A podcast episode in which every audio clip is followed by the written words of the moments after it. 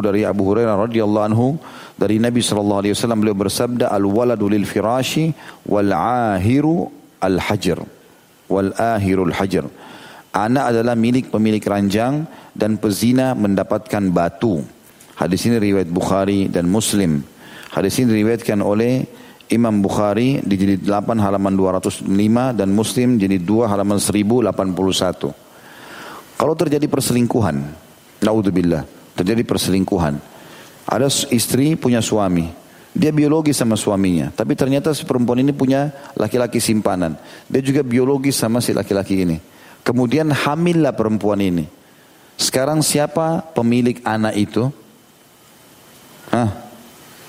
Siapa pemilik anak itu? Ini punya sperma, ini punya sperma. Pemilik ranjang, artinya si suami. Ini makna hadis ini. Anak adalah milik pemilik ranjang.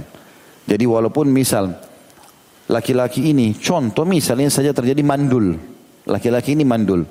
Sudah 10 tahun nikah nggak punya anak sama istrinya. Nanti istrinya berhubungan biologis dengan haram dengan laki-laki lain, hamil.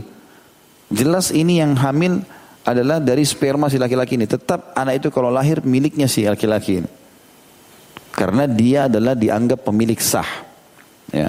Apalagi tidak diketahui sperma yang mana yang Allah mudahkan untuk membenahi atau membu, uh, uh, membuahi si sel telur ini. Mungkin dia mandul tapi Allah SWT inginkan dia hamil, istrinya hamil di tahun yang ke-10 gitu.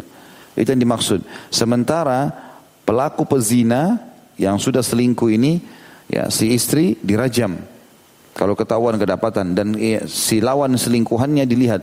Kalau dia belum menikah dicambuk seratus kali, kalau bujang dan diasingkan setahun, kalau sudah nikah maka dirajam juga. Ini mana daripada hadis ini. Bahwasanya kalau seorang wanita selingkuh, maka tetap saja walaupun dia hamil dari selingkuhannya, anak itu adalah anak suaminya. Ya, Allahu alam.